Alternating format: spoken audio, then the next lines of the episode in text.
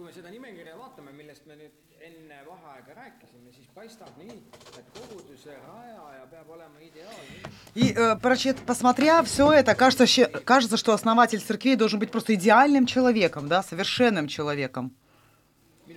И мой комментарий такой. et äh, tõenäoliselt ühel inimesel Скорее всего, одному человеку, у одного человека нет всех этих аспектов. Но большинство из этих аспектов должно быть в какой-то мере представлено все-таки у человека, который основывает церкви. Э, Есть, конечно, без которых вообще э, не обойтись. Допустим, если нет видения, видения, видения, да, то тогда он точно не основатель церкви. Без этого никак. Если он не может вовлечь команду, он тоже не основатель церкви. Без этого никак, никак. И это означает, что он должен, должен уметь вовлекать э, людей, он должен уметь работать с людьми, иначе ничего не получится.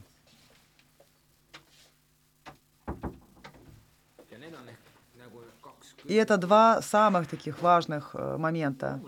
Конечно же, э, евангельская направленность тоже. То есть желание достичь невер- неверующих, это тоже очень важный аспект.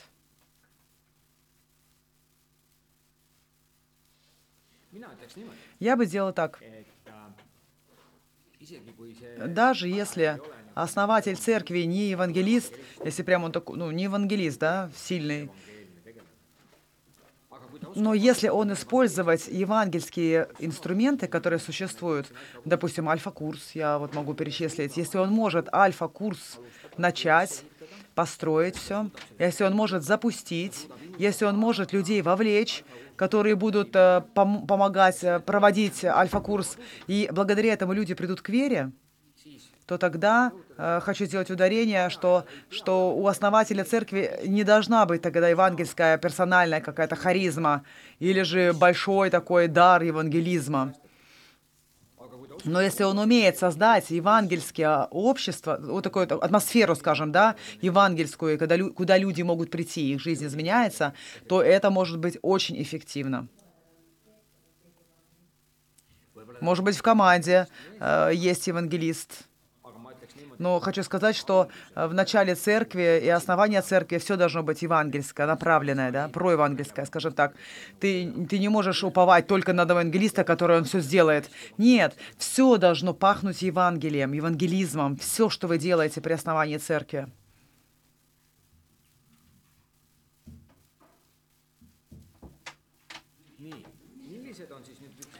Итак, хорошо. Какие тогда практические принципы, когда мы говорим об основании церкви? esimene Первое, очень практичная вещь, это молитва, конечно же. Без молитвы мы не можем говорить об основании церкви. Где-то кто-то должен молиться и должен отнести серьезно к молитве.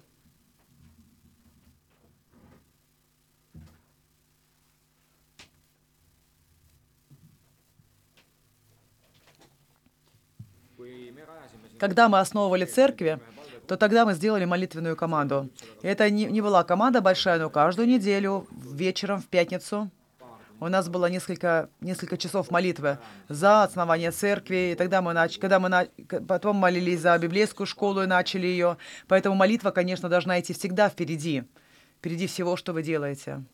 В другом случае это будет просто человеческая какая-то деятельность.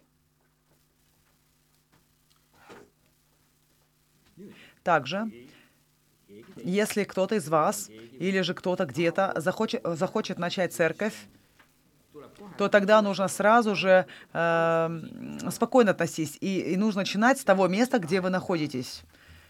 То есть э, мы, мы должны пытаться эту ситуацию изменить, да, и потом думать об основании церкви. Нет, мы начинаем с тем, что у нас есть, где мы находимся, и используем то, что мы имеем под рукой.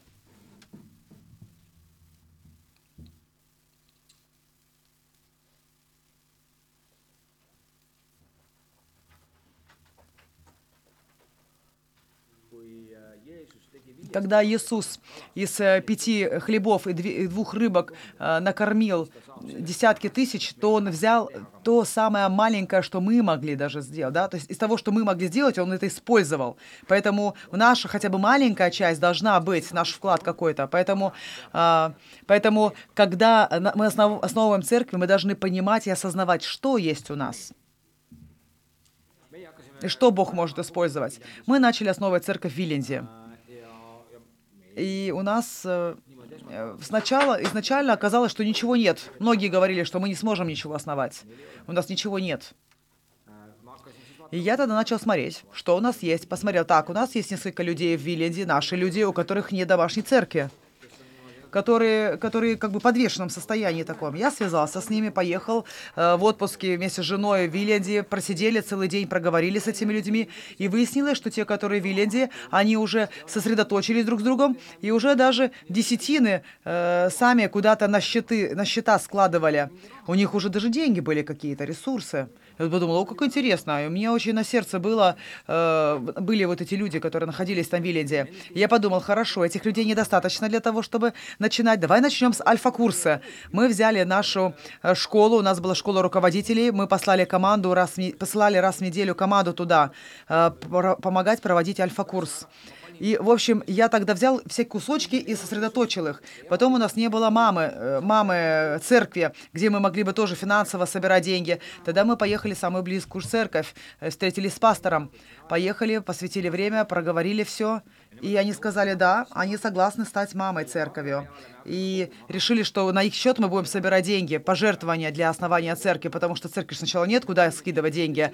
И мы, в общем, из кусочков составили вот это дело. И таким образом мы и с другими церквями начинали немножко по-другому, но тем не менее. У нас никогда не будет всего. И у нас всегда будет что-то отсутствовать. Но тогда нужно искать. Тогда я э, сказал, что окей, в нашей церкви нет, нет э, церквей, которые, в принципе, могли бы основать свою церковь. И тогда я подумал, хорошо, тогда нам нужно собрать несколько церквей, и несколько церквей, церквей на всех одну церковь да, основают. То есть все ресурсы соберут вместе и э, начнут действовать. В других церквях мы, допустим, фокус церкви э, была какая-то компашка американцев, и мы дали примерно 10-20 человек из Томпия, которые перешли фокус и, и основали церковь фокус. Плюс еще наша школа помогла им. То есть э, мы взя- собрали из разных частей все это. И то, что у нас есть, это все надо искать. Иногда бывает, мы не видим, что у нас есть. Над этим нужно работать. Что вообще возможно сделать?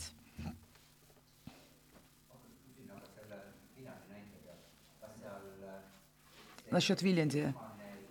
Там первая инициатива, она была от них, они хотели церковь там в Виленде, а, или же эта инициатива все-таки исходила больше из э, э, в, тебе, допустим, что им нужна церковь. На самом деле инициатива была от меня, в первую очередь, да. И она родилась на основании того,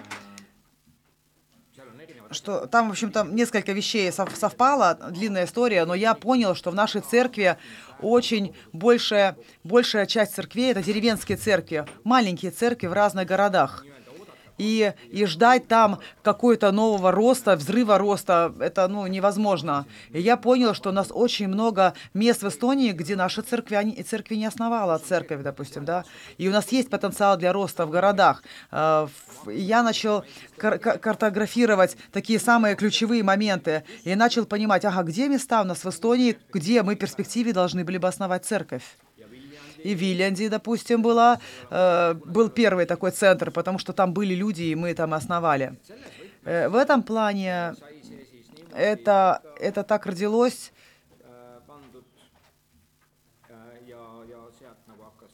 и оттуда все, все запустилось. До этого у нас в Палдиске мы основали церковь, там больше Мартвеги занимался. Вот там, допустим, у нас было здание, но церкви не было. То есть вот так получилось даже. Э, церковь, она как бы сократилась, э, здание было, и тогда нам нужно было вдохнуть новую жизнь туда. И Мартвеги послал туда ребят из э, злот... поселка Надежды построить церковь. И сегодня Рагнар Лайнесар, пастор, и он молодец. Хорошую работу делает. И в этом плане очень важно, если мы хотим что-то делать, то мы должны э, понять, что же у нас есть на сегодня.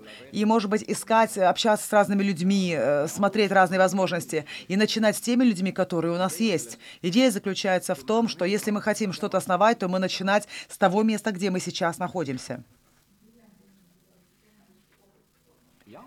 Э, или, допустим, в Виленде была одна семья, э, и был мальчишка один, парень, был а, мой, солдат, и он спал, спасение, получил спасение, и Бог изменил абсолютно его жизнь. Он в Таллине с женой какое-то время жил, ходили в нашу церковь. Потом они поехали в Виленде обратно. Поэтому у нас была хорошая, естественная такая связь. И, э, и с их семьей, ну, ВКонтакте были еще несколько семей в Виленде, с кем они общались друг и которые были такие, можно сказать, бездомные в плане смысла, в плане церкви. Я уверена, что в Эстонии много людей, у которых не, нету домашней церкви. И это не значит, конечно, что мы теперь все собирать их должны и так далее, но как Бог поведет? Как Бог поведет? Какие, какие естественные связи у нас есть и, и так далее. Я очень таким больше приверженец естественности. Нужно использовать то, что у нас есть, и дальше, основываясь, основываясь на этом, идти дальше. Не делать а, новую дыру да, в стене, и, и вот мы теперь должны, вся стена, допустим, в дырках, и мы новую дырку будем делать. Нет, я все-таки больше как-то, ну, немножко за другой подход.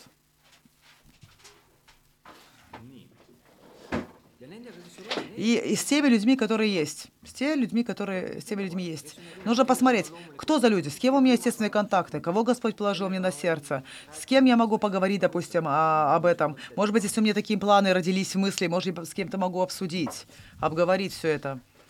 А если нет, тогда нет. Иногда бывает, мы ищем какие-то звезды, ну, ну, я имею в виду в кавычках, да, а, а, честно говоря, звезды иногда мешают в том плане, что они такие молодцы, такие все знают. А когда ты начинаешь с ними, у которых, э, у которых нет опыта ранее, с ними гораздо легче. Это как стройка нового дома гораздо легче, чем перестройка старого дома. Не ищи, не ищи каких-то, э, не, не собирай людей из разных церквей. Э, это может в конце концов превратиться в большое безобразие какое-то. Сделай вот парочка людей, которые у тебя есть, которые просто верные.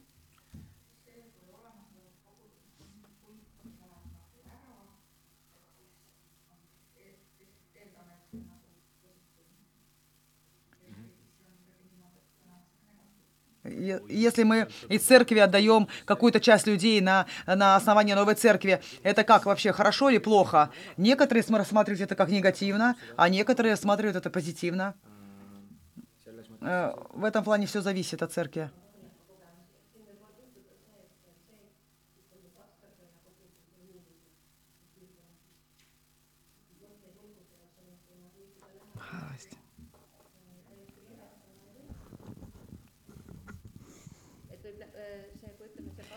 Допустим, пастор, э, члены которой э, допустим, начинают что-то делать, да, и начинают новую церковь строить, то тогда у них, и у пастора нет такого, то у них могут конфронтация быть. У пастора же тоже должно понимание и видение быть.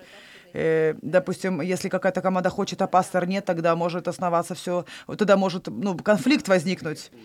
Э, потому что и так как бы не достает работников, да, если по-человечески посмотреть, э, пастор, допустим, если не идет с видением, да, которое есть у других людей, то, то люди, люди, лю, люди, допустим, э, то, если пастора нет этого видения, то пастор может затормозить вот эту компанию.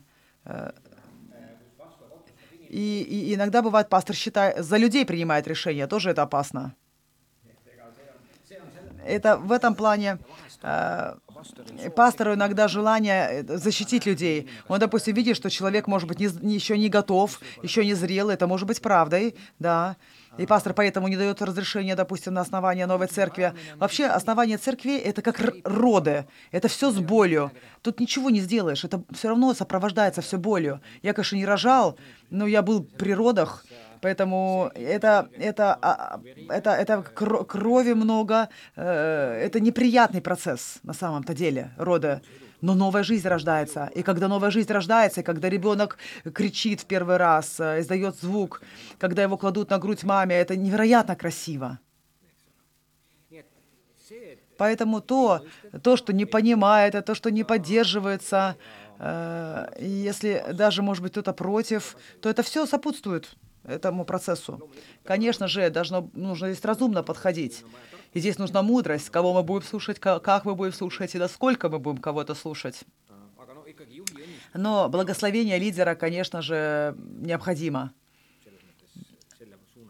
И в этом направлении нужно было бы, чтобы двигаться, чтобы лидер э, дал свое благословение, то есть пастор дал свое благословение на команду, которая идет основывать церковь.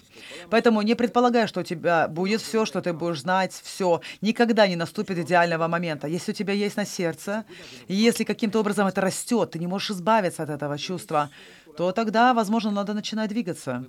Возможно, постепенно, тихонечко, медленно. А может быть, какой-то человек, у кого есть на сердце, он, он может даже не быть основателем сам, но, но он э, чувствует, что он хотел бы участвовать в основании церкви. Э, у нас один из пасторов э, в методистской церкви писал, писал, э, писал работу об основании церкви, пятидесятнической церкви, и выяснилось, что многие люди готовы, готовы участвовать в настроении, ой, в насаждении церкви, но не видят себя в качестве вот этого лидера.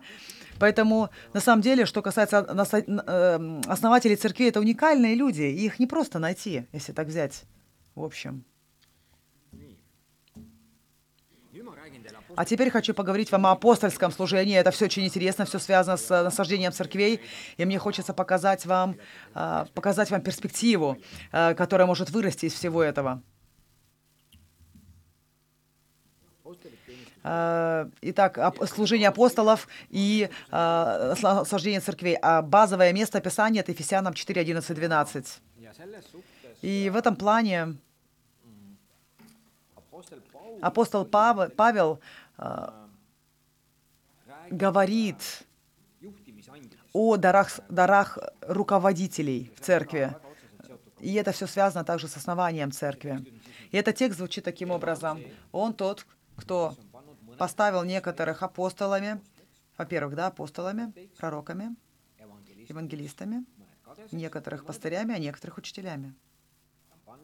Он поставил вот эти пять для того, чтобы подготовить а, под, э, э, поставил к совершению святых на дело служения для созидания тела Христова. Я называю эти пять даров, это пять даров руководства в теле Христовом. Но давайте немножко углубимся и просмотрим эти эти моменты. И здесь используется такое слово, как подготовить, а, подготовить их на дело, на, а, подготовить их. Катарицо. И катарицо означает разные вещи. Это значит снаряжать. И это означает, что э, одна из ролей вот этих э, даров руководителей — это снаряжение церкви. И построить таким образом, чтобы они могли бы сделать, ту, выполнить ту работу, которую Бог его призвал. То есть снарядить, э, сделать, э, то есть залатать то, что разбилось, допустим. Э, допустим, в новом переводе сказано, чтобы приготовить святых к делу служения. Вот здесь как раз, да, было, что приготовить. Э, и вот эти пять даров, они необходимы для того, чтобы человеку восстановиться вновь, восстановиться, залатать дыры. А, также роль вот этих пять даров — объединить тело Христова, связать тело Христова вместе.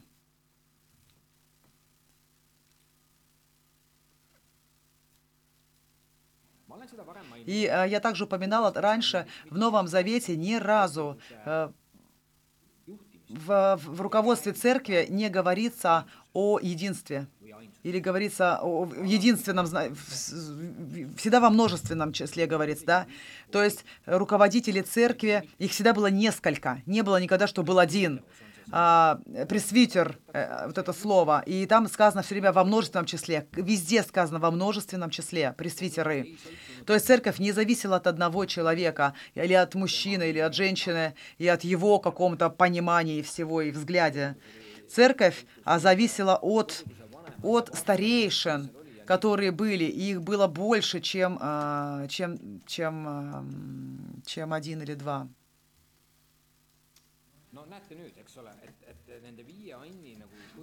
Поэтому э, главная роль главная роль а, создать порядок, баланс а, и также обоюдное обоюдное какое-то, какие-то действия, э, роль да, пресвитеров, роль старейшей церкви.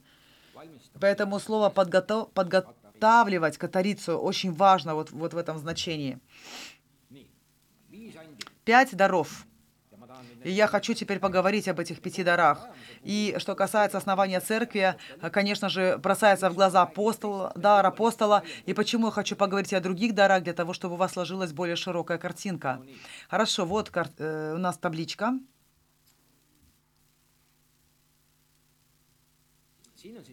И здесь э, даны нам признаки. Эти слайды есть на русском языке? Угу, есть, хорошо. И, конечно же, я думаю, на английском языке они есть. Апостольский дар, дар апостола. То есть кто-то, кто-то, кто пойдет дальше, кто-то, кто прокладывает путь. И теперь вы видите, что вот здесь характер а, да, этого типа, а также визионер. Когда мы говорим об основании церкви, нам нужны какие-то признаки, апостольские, э, апостольские признаки, апостольские признаки.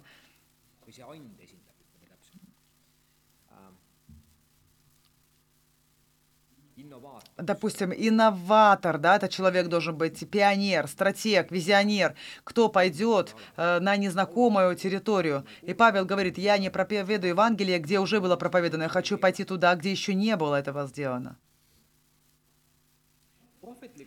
Пророки или пророческий дар это э, такой больше э, человек, который спрашивает. Человек, который который опрашивает, да, то, э, э, э, то, где мы находимся, это лучшее ли на сегодняшний момент для нас? То есть он задает такие вопросы. И пророк по своему характеру, он такой раздражитель. Конечно же, мы хотим всегда избавиться от раздражителей своих команд, потому что они мешают часто нам. Они не подчиняются. У них всегда какие-то там свои идеи и мысли. У нас проблемы часто с такими людьми а, а, может быть, даже агитатор, а, агитатор, то есть тот, кто агитирует, да, это тоже качество пророка. И в этом плане пророки, они такие очень э, конкретные, очень такие жесткие, очень прямые люди. Они могут быть очень даже саркастичными, то есть они как бы обрезают где-то или вклиниваются где-то так.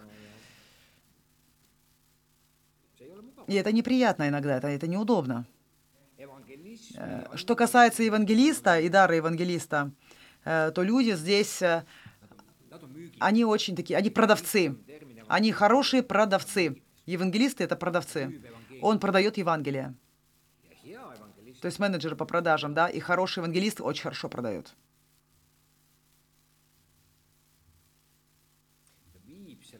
То есть он несет послание к людям, и он продает их людям, и люди хотят, они хотят принимать это, они хотят получать. То есть он как будто нанимает людей, он, он, он, он, э, он, он, он нанимает людей. И евангели... у евангелиста ему свойственна также такая страсть, э, которую можно увидеть в его, в его настрое, да, в его характере. То есть он такой страстный проповедник Евангелия. Э, дар пастора направлен больше вовнутрь, вовнутрь церкви. У пастор, в общем-то, является клеем для церкви.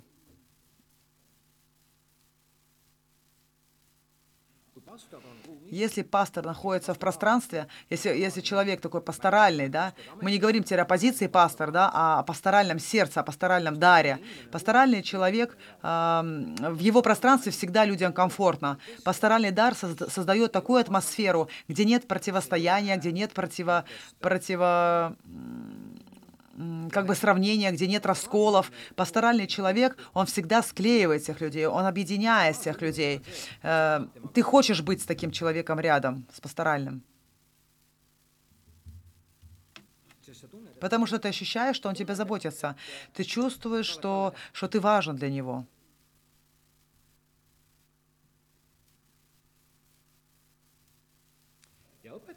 И дар учителя — это больше систематизатор. Учитель, учителя – это такой дар, ка- где как результат э, мы, мы, наше, наше сознание растет, Э, наше понимание вещей благодаря учителям растет, потому что он разные идеи, разные мысли может в какую-то систему, в какую-то структуру переложить.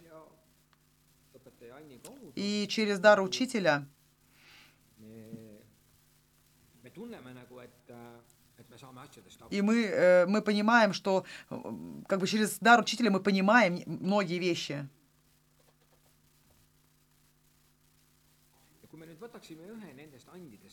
если мы заберем один из даров в церкви, или несколько, то вы поймете, что тогда у нас возникнут проблемы. Но посмотрим, посмотрим тогда дальше. Э, Во-первых, дар апостола. põhilised Какие главные задачи апостольс- апостольского э, или фокус да, апостольского дара? Люди э, или главная страсть людей апостолов это расширять Царство Божие, э, отодвинуть границы, расширить границы.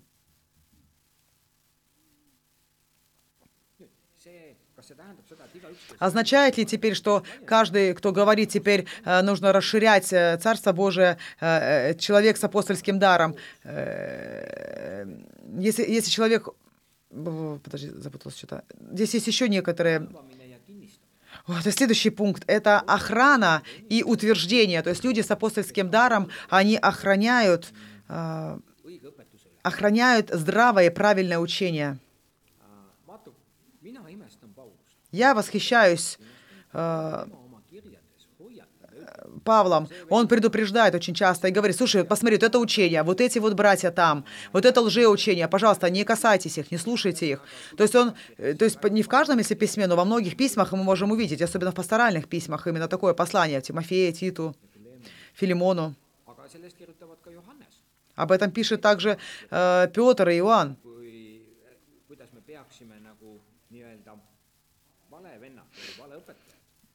Он, преду... он постоянно... identifitseerima. То есть какая цель еще? Это идентифицировать, да, от лжеучения, лжебратьев, и потом тогда увещевание, чтобы не, не связываться с ними. Э, То есть э, охрана границ также, и также утверждение границ, это тоже является важным признаком апостольского дара. Апостолы, они хотят утвердить границы, чтобы эти границы были четкие и понятные. nii et selles mõttes ka kiriku või Э, kogu Также ДНК церкви или общины, апостолы с апостольским даром людей интересует вот эта сердцевина, интересует вот эта суть, суть, да, и в, э, с точки зрения миссиональности, с точки зрения учения, то есть как практически, так и э, теоретически. И это означает, что для этих людей не важно, что мы делаем только правильные вещи, а что мы верим также в правильные вещи. Конечно же, это касается и дара учителя, но э, что касается людей с апостольским даром, для них все это связано с эффективностью Божьего Царства. Для учителей этот вопрос, э, э, для, для апостолов это важно, чтобы э, эффективность Царства, э, э, э, то есть эффективность церкви, да, и они охраняют это, потому что они хотят рас- расширять э, границы. И если входит какое-то лжеучение, оно начинает мешать. Поэтому апостолов это раздражает. Они вс- всеми силами противостоят этому.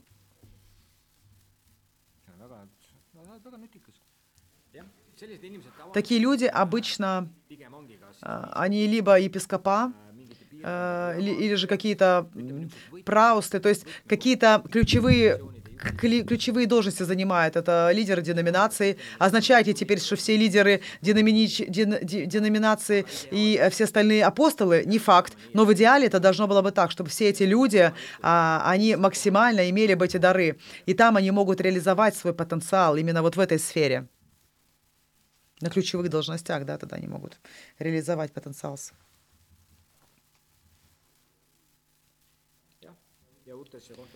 И также достигание новых мест, достижение новых мест, распространение. Это также очень важно. И Алан Хирш, он говорит таким образом, что апостольское служение, оно основывает другие служения. Если нет а, тех, кто основывает новые церкви, в общем-то, в принципе, да, то тогда нет работы для пророков, нет работы для евангелистов, нет работы для пасторов и нет работы для учителей. Поэтому это означает, что апостольский дар, он идет впереди, и он пробивает путь для других даров. Сейчас я вам помогу также в слабости, конечно, апостольского дара. И поэтому, если человек с апостольским даром идет впереди, то э- это просто необходимо, чтобы в какой-то момент люди, которые идут за ним, переняли эти вещи, переняли, да, обя- обяза- обязанности некоторые. nüüd, kui jutt on Jumala Если говорить о расширении Царства Божьего, то понятно, это невозможно это совершить, если не будет новых руководителей. Поэтому взращивание новых лидеров является задачей э, людей с апостольским даром. Это его, их маст, да, это их, э, их обязанность, это, они должны это делать, иначе ни о каком расширении нет э, даже вопросов. И также, что касается этих людей, то люди с апостольским даром, они не являются какими-то такими рьяными евангелистами, они не будут стоять где-то на улицах а, с Библией и говорить там, проповедовать что-то, кричать. Для апостолов важно подготовить миссионерскую э, перспективу или перспективу роста для, для, для последующих людей. Смотрите, как Павел делал. Это очень стоит, стоит посмотреть. Он шел и основывал миссии в больших центрах, ja me ei tea, и мы не знаем об, этом много, но мы позже видим через эти письма, которые распространялись, что вот эти центры, они основывали церкви в своих регионах. То есть стратегическая перспектива была. Павел не шел в какую-то маленькую деревню и говорил, давайте маленькую церквушечку здесь основ, основим. Нет, он шел в самые большие места, где больше всего потенциала. Там э, но- ногой ступал, ставил свою ногу, и, и то, что он основывал там, это, в свою очередь, начинало распространяться и основывать новые церкви. Вот это стратегическая перспектива. То есть основатель церкви не обязательно апостол, и он не должен быть апостолом. Но, тем не менее, должны быть такие апостолы, которые могут это делать, и которые делают это.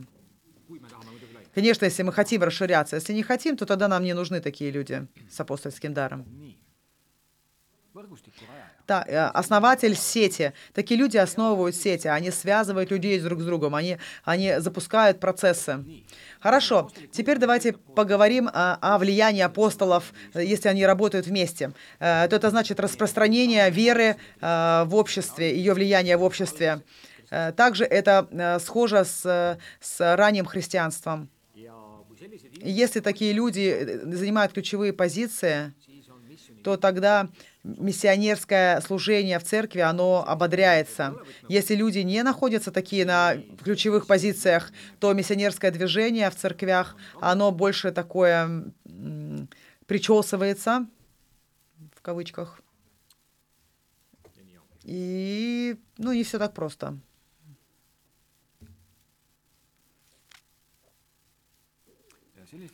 Такие люди, они они э, должны создавать здоровые, здоровые отношения в этих сетях.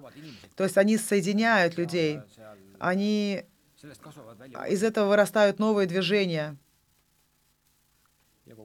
и рост церкви.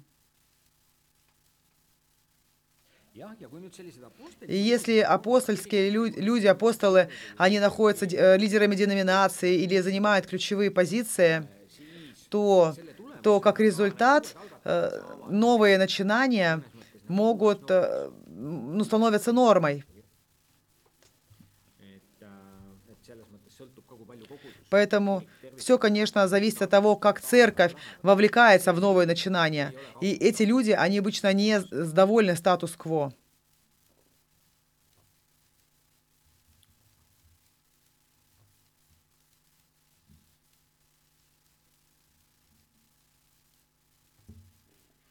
nüüd on mõned probleemid, Есть также, существуют еще некоторые проблемы. kand А когда начинает доминировать апостольский дар, то первое негативное влияние а, приходит к тому, что это, это тенденция к, а, к автократическому стилю руководства. Люди с апостольским даром обычно властные, сильные, у них есть видение, они хотят что-то делать, и, и это может другим показаться таким автократичным.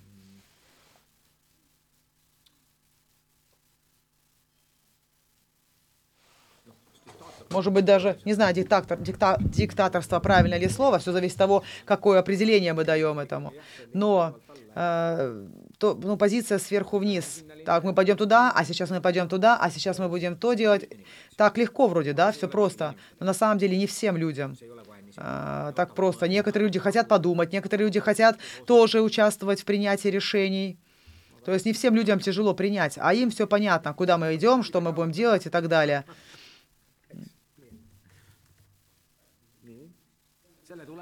И как результат э, в церквях много раненых людей, потому что апостолы, они направлены, направлены на будущее. Они, они не э, залатывают проблемы э, прошлые там, они прут вперед, как ракеты. В общем-то.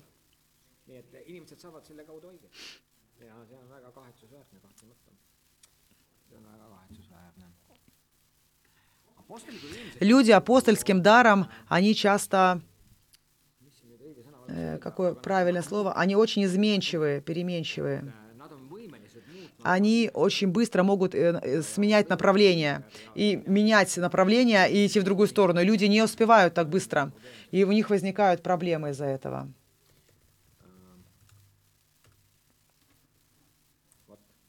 Вот такие темы. И также тогда здесь нужно уже присоединять другие, другие дары.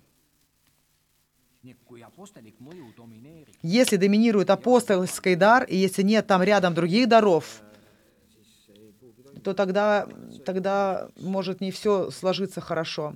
И это, может быть, и есть причина, почему Бог позвал, э, вызвал, э, послал Павла из, из Антиохии, э, потому что, потому что Э, таких, таких людей, э, с больш... как Павел, их немного. И, и они по своей натуре, они очень такие непростые.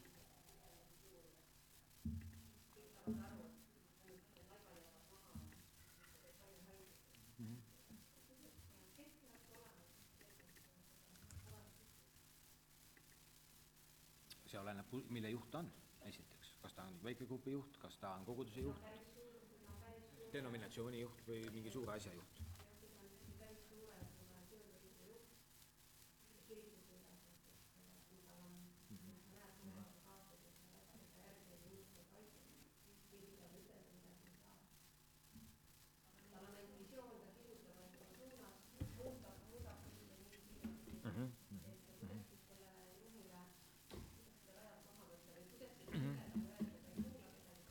как, допустим, если человеку такого рода стоит во главе, э, да, допустим, командует, кто вообще его может снять или как вот, кто может повлиять на него? И на самом деле э, руководство организации должны раздумывать, как возникают лидеры и как лидеры уходят. Как они возникают и как они уходят. Это ответственность самого руководства. И руководство должно взять э, на повестку дня, и, и, к сожалению, все больше и больше, в крайнем случае, в западном мире э, есть разные примеры, когда как, э, есть примеры того, как организации занимались э, с лидерами, которые вышли за границы. И есть, есть какие-то знаки э, заметные, да, какие-то ну, ненормальные. Тогда стоит с человеком поговорить. Если он не слушает, допустим, иногда бывает, они не слушают, допустим, он увлечен какой-то какой своей идеей, и все, тогда это очень большой опасный знак, и дальше нельзя продолжать. Нельзя позволить этому э, течь дальше. Так, так оно и есть. Если он не слушает. Если он слушает, э, если он берет обратную связь, если он слушает э, другие мнения, если он готов э, совершать э, общую, ну, совместную работу, тогда, э, тогда да.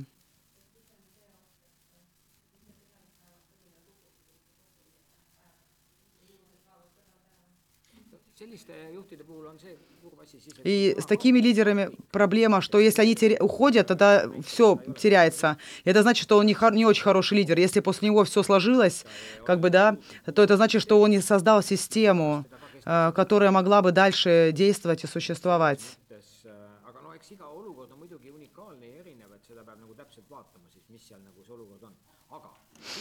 И э, igal organisatsioonil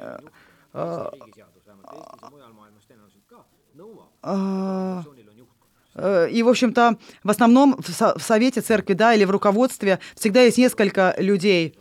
И- а если один человек, то тогда, в общем-то, это ну, дело одного человека.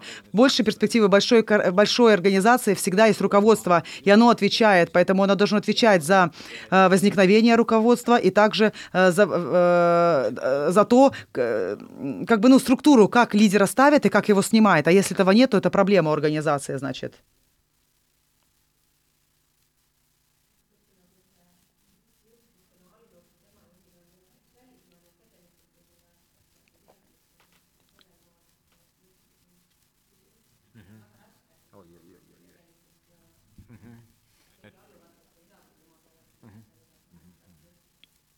No siis on kaks võimalust.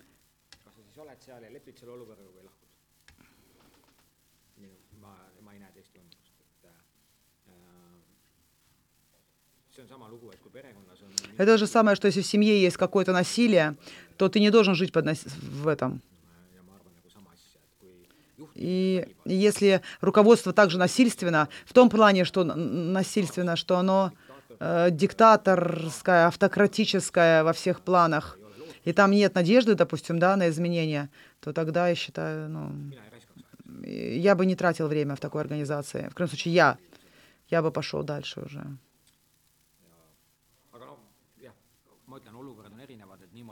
Но ситуации разные, поэтому я не могу давать основа... э, какие-то рецепты вам сегодня здесь в классе. Это нужно все разбираться дальше. nii, meil on mõni minut äh, vaheni. Так, у нас пару минут до паузы. Давайте посмотрим немножко пророка.